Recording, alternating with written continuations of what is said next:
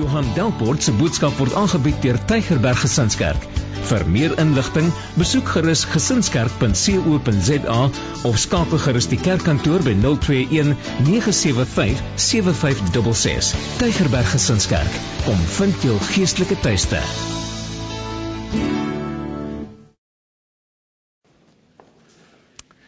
Jy kan jou Bybel oopmaak by Johannes 9. Johannes 9 en ons gaan 'n paar verse daar saam lees. Julle het daar 'n groot ding in ons land gebeur die afgelope week. En ehm um, ek gaan later 'n e-pos uitstuur daaroor. Ek dink dis reg, ons moet iets daaroor sê. Ek gaan nie nou iets daaroor verder sê nie. Wie het nie 'n raamwerk nie? Ek wil net sien wie het nie 'n raamwerk nie. Dis 'n papiertjie waarop woorde staan. As jy nie so iets het nie, dan is dit tyd om jou hand op te steek. Julle, ek en Alex spandeer baie tyd saam en ons gesels gereeld en ek sê vir die Here baie dankie dat ek dat ek vir Alex het wat saam met my werk wat die woord van die Here ononderhandelbaar verkondig. En ek wil vir julle sê dat net dit, net dit dat my en Alex se kommitment is om die woord van die Here sonder verskoning oor te dra. En ek hoop dit is wat julle van ons verwag. Want dit is wat julle van ons behoort te verwag. Amen. Amen. OK. Dankie Alex. Verdeer jou. Ehm um, Johannes 9 vers 1 tot 41. Ek wil jou mooi vra om die res van die verse ook by die huis te gaan lees. Sal jy? Dan hoef ek nie alles nou te lees nie. Gaan ek net die eerste gedeelte lees. Dit bestaan uit drie gedeeltes, maar dit is my pragtige storie en ek hoop om jou vanoggend te kan bemoedig. Ons skop vanoggend die kruisieveld tog af en ehm um, dit is een van die grootste grootste geleenthede op ons kerkkalender. Dit is 'n uitreik geleentheid. Dit is 'n geleentheid waar ons mense nooi kerk toe en ek wil jou mooi vra om deel te neem. So met ander woorde, jy het 5 kruisies gekry. OK, eene mag jy in jou spieeltjie hang, maar dan moet jy mooi ry. Maar die ander moet jy uitdeel. Dis die idee. Nou as jy wonder wat hoekom deel jy dit uit? Dit nooi hulle kerk toe en dan praat ons hier mooi oor die Here. Ons ons het 'n mandaat om mense om die kerkloos en die kerklose mense na die Here toe te nooi. Weet julle nie almal wat kerkloos en kerkloos is is verlore nie. Maar ons lewe in 'n tyd wat die tye baie vinnig verander. Ek weet nie of julle saamstem nie. En mense val uit die kerk uit en en hulle is baie keer ontnigter. En julle dis nie gesond vir iemand om buite die kerk te wees nie. Die Here wil hê ons moet tussen die gemeenskap van die gelowiges wees. En dis hoekom dit belangrik is. En dis hoekom vanoggend se boodskap ook belangrik is. So ons begin vandag met 'n nuwe reeks. Jou storie. Het jy 'n pen? sien julle die kerk se penne raak so vinnig weg. En ek het nou besluit, weet jy nou kom ek by huisbesoek by mense. Dan vra ek vir hulle vir 'n pen, ek wil gou ietsie neerskryf. Dan gee hulle vir my die kerkpen.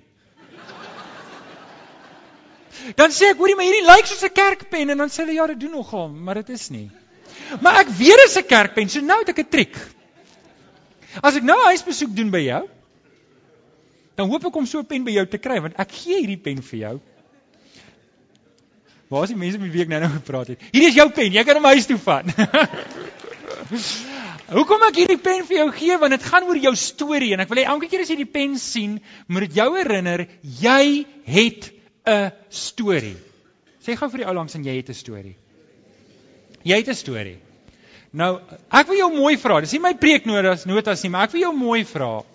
Wil jy nie vir my asseblief? Kry gou almal se aandag hier, dis my baie belangrik. Ek wil met ons 10 jaar verjaarsdag wat oor 3 jaar is, oor 2 en 'n half jaar, wil ek 'n bundel uitbring. Die jou storie bundel. Ek wil hoor hoe jy by die kerk gekom. En ek wil ek wil vir jou mooi vra, sê jy nie vir my asseblief, asseblief ek vra julle mooi, 'n halwe folio. Skryf hoe het jy by die kerk gekom nie? OK, 'n folio. Maar ons soek nie 'n boek nie. Ek moet nog die boek maak. so kom, sê jy so wie wie sal vir my 'n storie skryf? Ek wil sien. En die ander, hoekom skryf julle nie? Ek vra julle mos nou mooi. Wie wil jy nie jou naam in die bundel hê nie? Dink julle nie dit sal interessant wees om te weet, hoorie, OK, Alex het sommer net hier ingestap. Hulle het gedog is 'n ander kerk. So, maar dis 'n mooi storie. Julle moet dit ook skryf. Janine asseblief.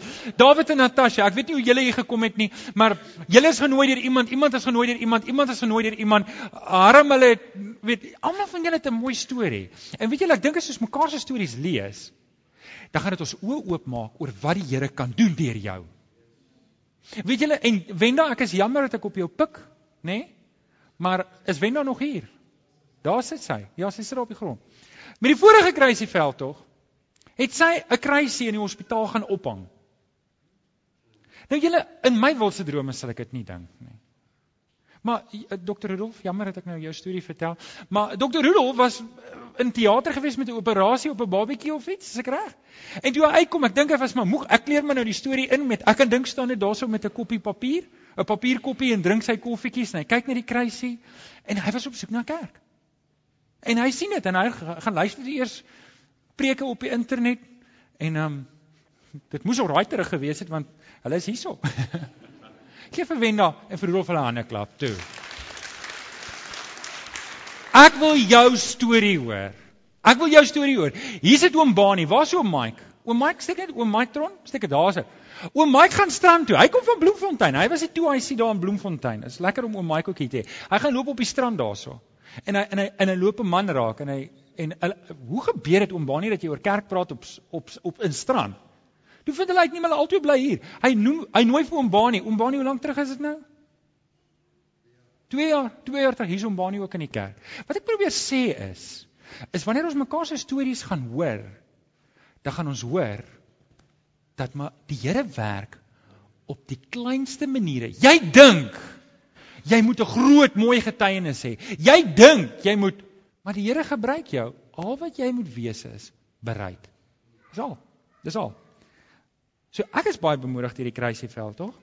En dan um, die kruisieveld tog. Wie van julle weet wat se ding is hierdie? Dis 'n gaff. Hierdie is 'n gaff. Vir die van julle wat nie weet waarvoor dit gebruik nie, is jy gaff 'n vis in. Iets soos dit. Ek het dit nog nooit self gedoen nie 'n paar van julle sal nou sê ek kan so sien. En dan bring jy hom in. Dan sien vis nou naby. Ek reken as jy met hierdie ding gegaff het, beplan jy nie om hom terug te gooi nie want uh, hy gaan baie seer hê daarna. So hy gaan seker braaivleis vier toe daarna. En en en 'n gaff is 'n baie aggressiewe manier om 'n vis in die boot te kry dink ek. Maar dit sê jou intensie. En julle die kruisieveld tog is soos 'n gaff. Weet julle, een keer 'n jaar het ons 'n geleentheid, wel twee keer 'n jaar met die verjaarsdag ook wat ons baie mense intrek in die kerk in. Kerklos, kerklose mense. En die kruisieveld tog dien soos hierdie. Baie keer dan weet jy nie wanneer of hoe of wat nie. Hierdie is die geleentheid. En ek wil jou mooi vra, as jy bure het of vriende het of familie het wat jy weet, hulle is op soek na 'n kerk of hulle is kerkloos of kerkloos of sommer net heidens. Nooi hulle. Sê julle nooi. Sê mm toe.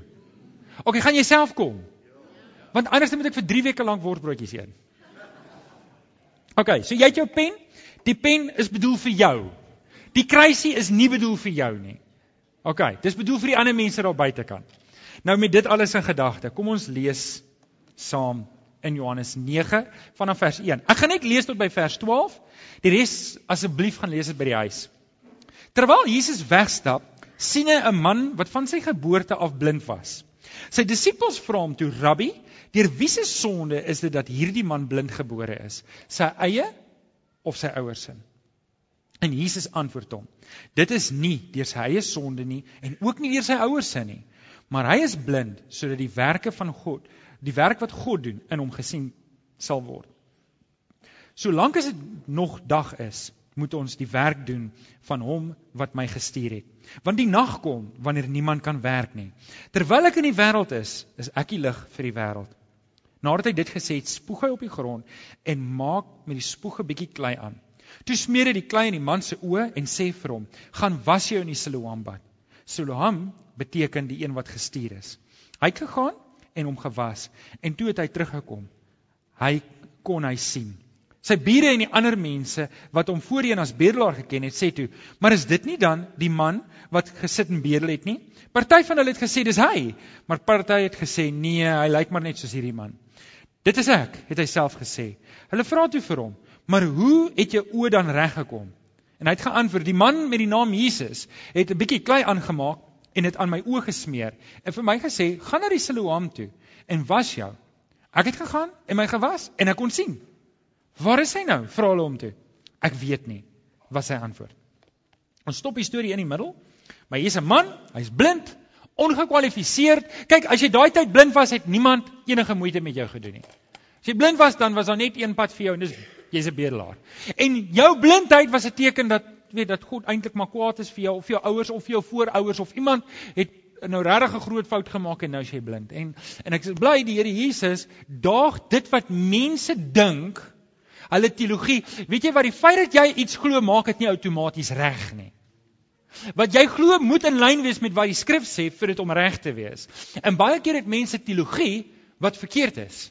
Onder andere dat iemand is blind so hy moes gesondig het of sy ouers of sy oupas en oumas of iemand moes gesondig het. En die Here Jesus sê nee, eers stel hy daai reg. Hier is nie as gevolg van enige iemand se sonde nie, maar die Here gaan 'n wonderwerk doen.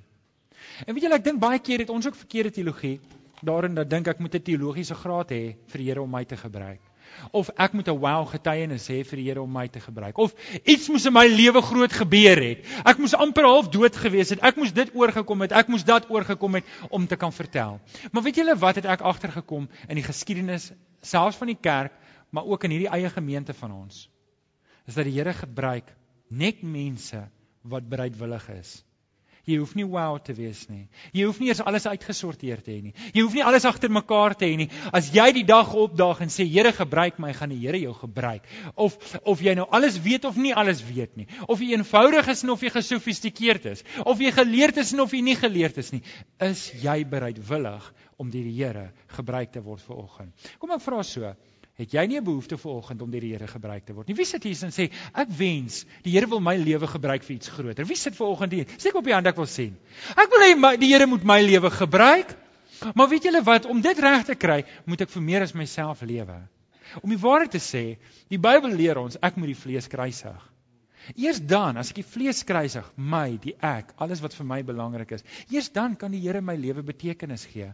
Maar weet jy wat doen die Here? Die Here gee vir my satisfaksie in hom. Het jy al 'n nuwe ding gekoop? En as jy baie trots daarop en later dan is dit maar net nog 'n ding en dan later dan breek dit. En dan moet jy 'n nuwe ding koop. En as dit alles van voor af. Want wat? Aardse goed kan nie vir jou satisfaksie gee nie. Net die Here kan.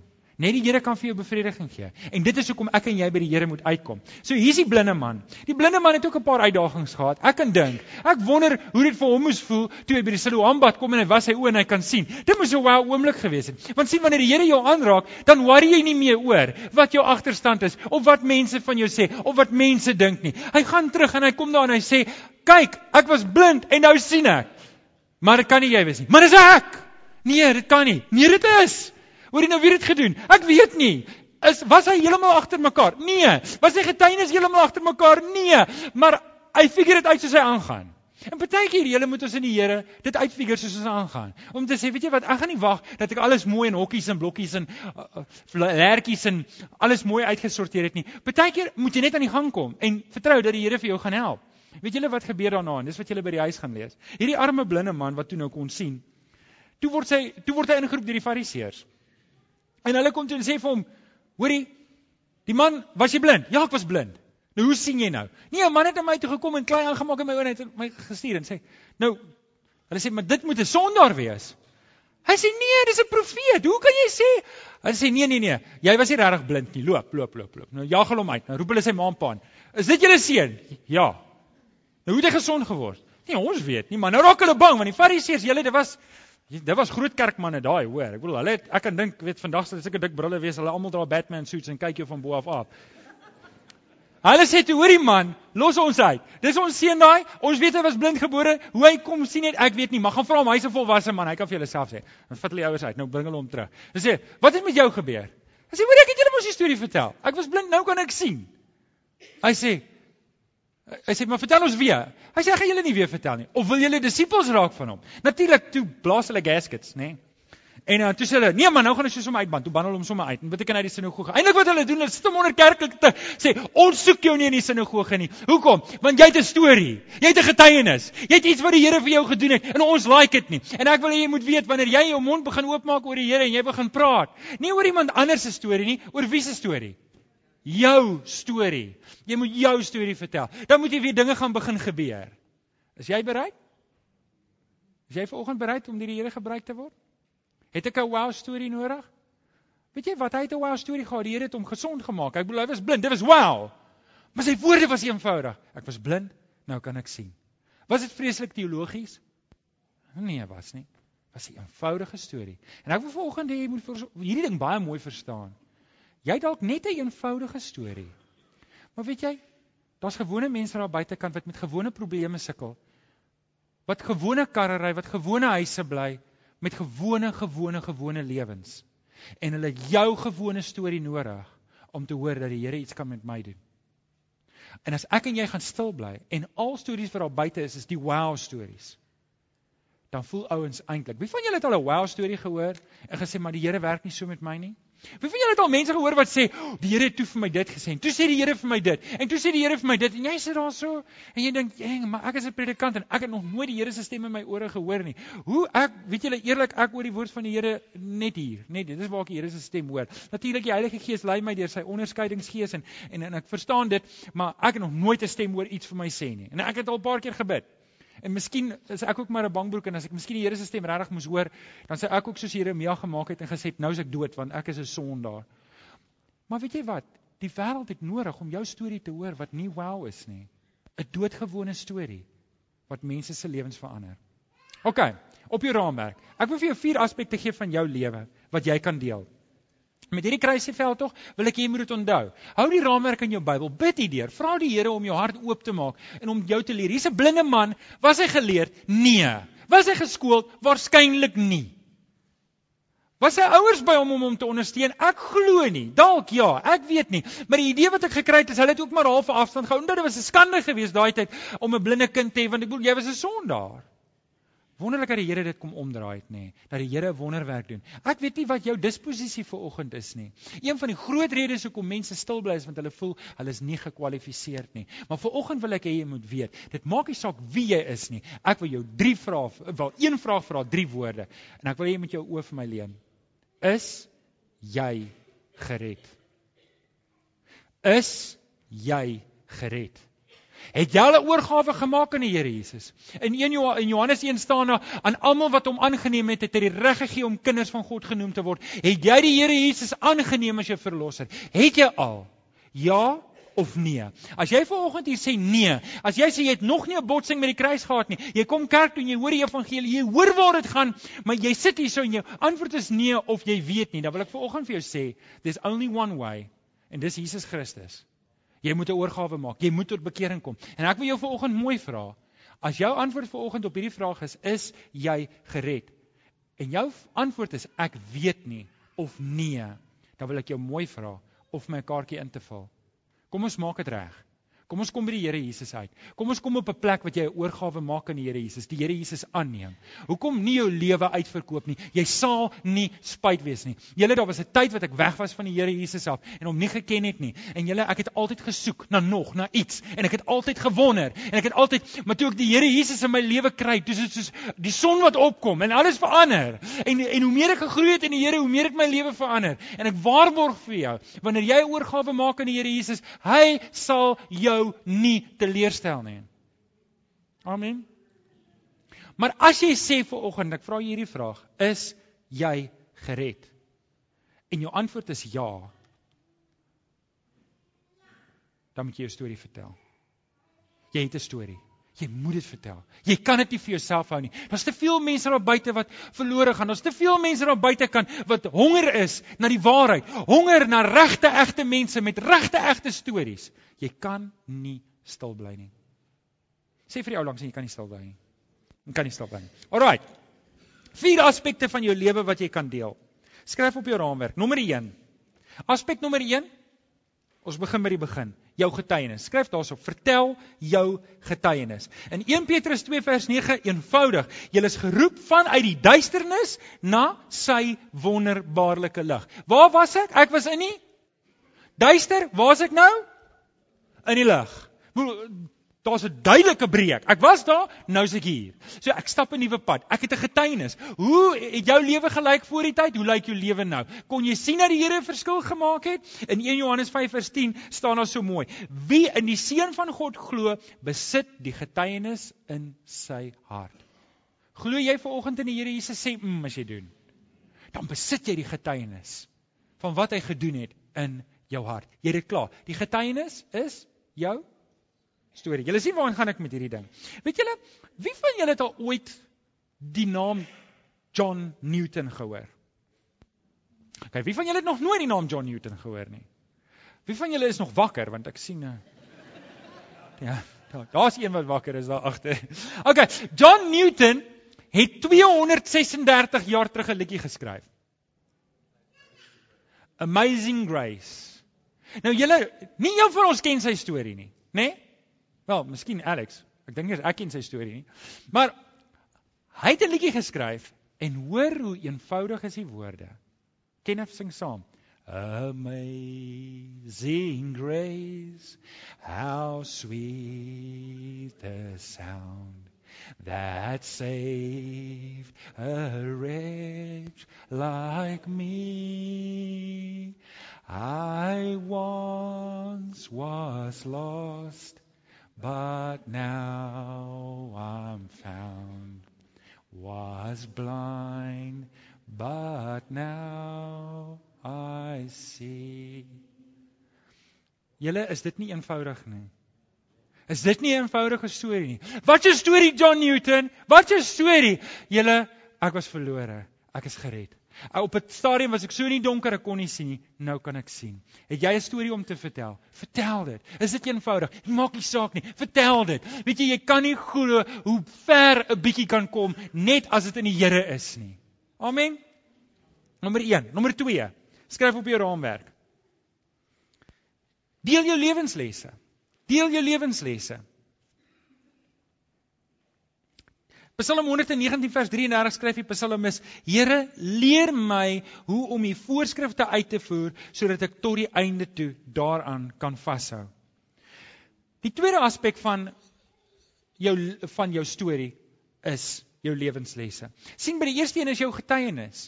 Hoef jy hoef jy vreeslik afgerond te wees om die getuienis te vertel? Nee, jy hoef nie. Hoef jy vreeslike teologiese agtergrond te hê? Nee, jy hoef nie, want jy vertel net wat die Here vir jou gedoen het. Maar sien, soos jy groei, kry jy diepte in die Here.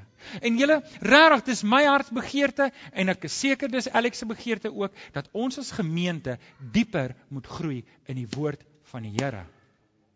Julle mense doen simpel goed daar buitekant en hulle mors op omdat hulle nie die woord van die Here ken nie.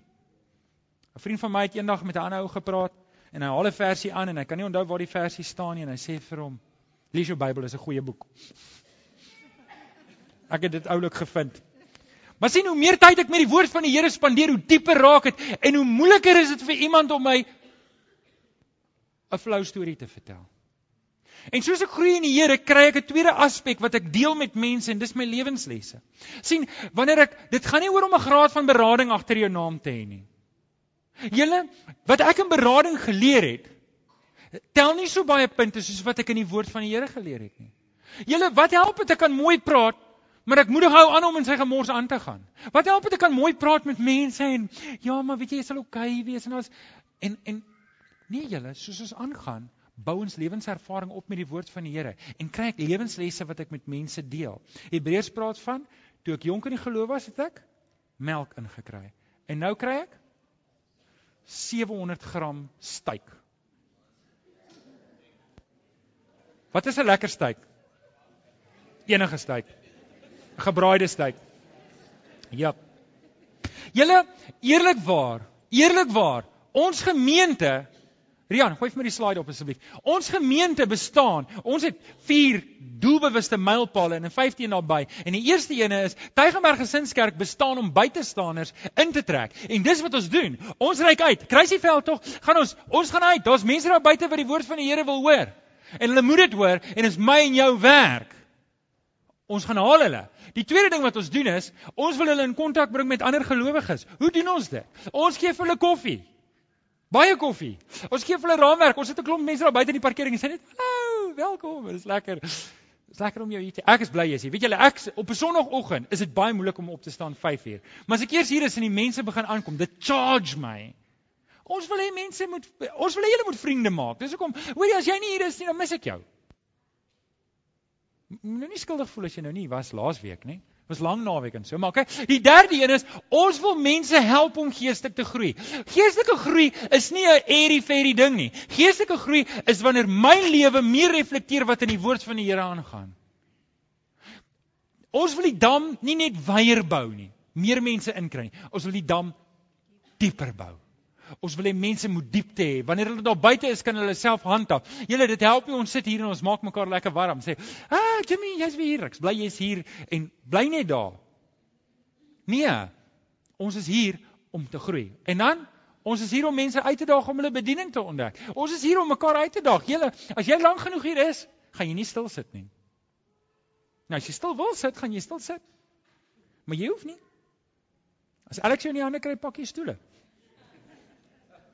As ek jou in die hande kry, dan kry ek jou in 'n selgroep. As ek jou verder in die hande kry, dan oor tyd, gee ons tyd, ons maak jou selleier. Nou ek weet nie waar jy pas nie, so jy nie 'n ding doen laat doen waar jy nie pas nie. Maar jy moet weet, jy pas iewers en jy te werk. Jy te werk en jy moet werk. En dan die laaste een is, dis hoe ons die Here eer in ons lewens. Alraai, so.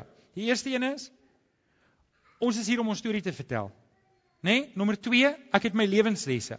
Die derde aspek van my storie is skryf op jou ra raamwerk leef jou goddelike passie uit. Leef jou goddelike passie uit. In Jeremia 20 vers 9, die Here het vir Jeremia geroep as profeet en het vir Jeremia gesê, jy moet die woord uitdra. En julle, dit was 'n baie slegte ervaring vir Jeremia. Want hy moes vir die koning gaan sê wat die Here sê. En julle, dit was 'n tragiese storie, reg? Dan gaan sê hy vir die koning wat die Here sê. Dan is die koning kwaad vir hom, hy slat hom met 'n sweep, gooi hom in die tronk. En dan is Jeremia depressief en hy's af want daar kom niks van sy werk nie. En dan en dan dan voel die koning nou al sê, laat hy Jeremia weer al sê, hoorie bring Jeremia vir my. Ek wil hoor wat sê die Here. Dan sê die Here vir hom, hoorie jy's jy lewe verkeerd. Jy's onder God se oordeel. Dan is die koning kwaad, dan voeter hy weer vir Jeremia met 'n sweep en hom terug in die tronk. En op 'n stadium sê Jeremia vir homself hierdie woorde. Hy sê vir homself in Jeremia 20 vers 9. En wanneer ek dink ek sal ek sal my aan hom nie meer steur nie, en in sy naam nie meer praat nie, dan word dit vir my soos 'n vuur wat brand en waarvan ek nie kan loskom nie. sien wat Jeremia sê ek het besluit twak hiermee. Ek gaan nie weer hierdie ding doen nie. Luister, as jy jou kop een keer stamp, weet in dieselfde ding, dan kan jy dit as 'n ongeluk. Maar as jy nou die derde keer jou kop stamp, dan weet ek mag nie sê stupid hier van vooraf nie, maar maar jy verstaan wat ek probeer sê. En Jeremia sê ek gaan, ek gaan nou stil bly. Ek gaan nou nie verder praat nie. En wanneer hy stil bly, dan begin dit aan hom brand. Hy kan nie stil bly nie. Hoekom? Want hy het 'n goddelike passie. Hy het 'n passie oor hierdie ding. Hy moet praat. Die Here dryf hom en sien wanneer ek tot bekering kom en ek praat nou nie van passie vir seels versamel of tolletjie brei. Julle, ek het 'n lang tolletjie brei gehad toe ek op skool was. Maar dis 'n storie vir 'n ander dag. Ja, nee, nee, dis 'n nerd. Hy het 'n tolletjie brei.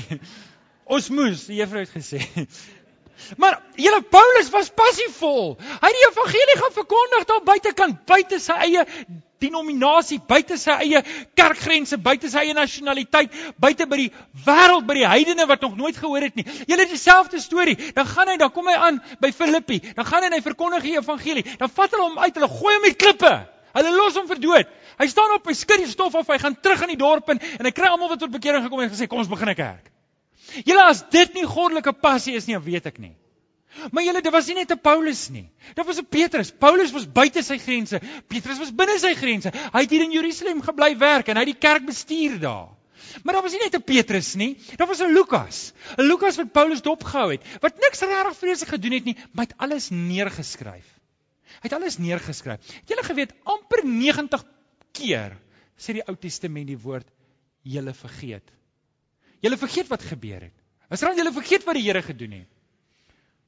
Lukas het neergeskryf sodat ons nie vergeet nie. Nou, ek wou dit by my tweede punt gesê, maar nou sê ek dit by die derde punt. Ons moet neerskryf. Ons moet neerskryf sodat ons nie vergeet nie. Sodat ons kinders nie vergeet nie. Arno, Liesel, sodat Juvan nie vergeet nie. Skryf neer. Amanda, Marius, skryf neer dat jou kinders nie vergeet nie. Oumas en oupas skryf neer. Iewers gaan iemand dit lees. Dink julle Lukas het geweet ons gaan lees? Nee, maar hy het 'n passie gehad en sien jy het 'n goddelike passie. Jy het iets wat jou dryf. Jy sit ver oggend hier en jy weet jy moet dit doen. En weet julle wat gebeur in die kerk? En julle nou wil ek baie versigtig wees want ek wil jou aanmoedig, ek wil jou nie ontmoedig nie. Het jy nou gehoor wat ek gesê het? Ek wil jou aanmoedig en nie ontmoedig nie. Hoor nou wat ek nou vir jou sê. Mense kom na my toe en dan het hulle 'n passie in hulle hart vir 'n ding.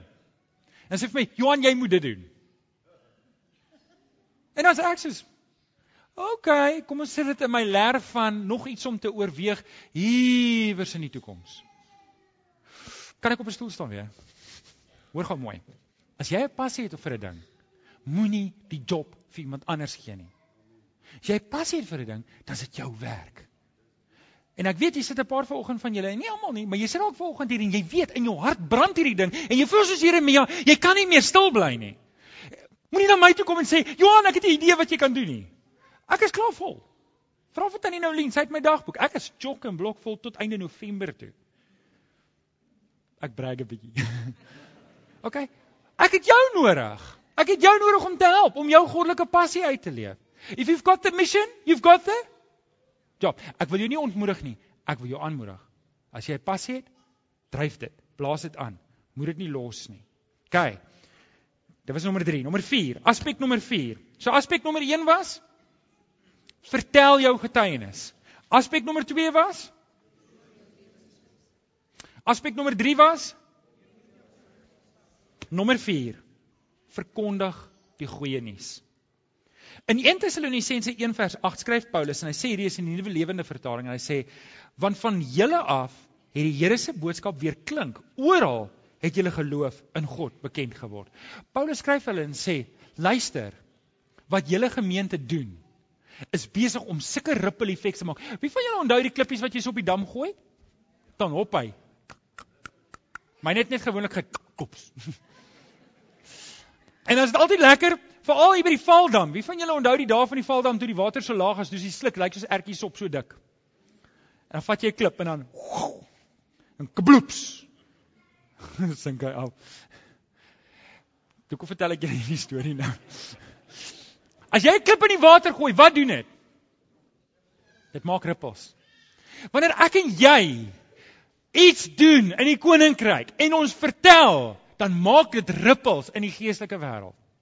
Dit maak rippels. Jy weet nie hoe diep dit gaan nie.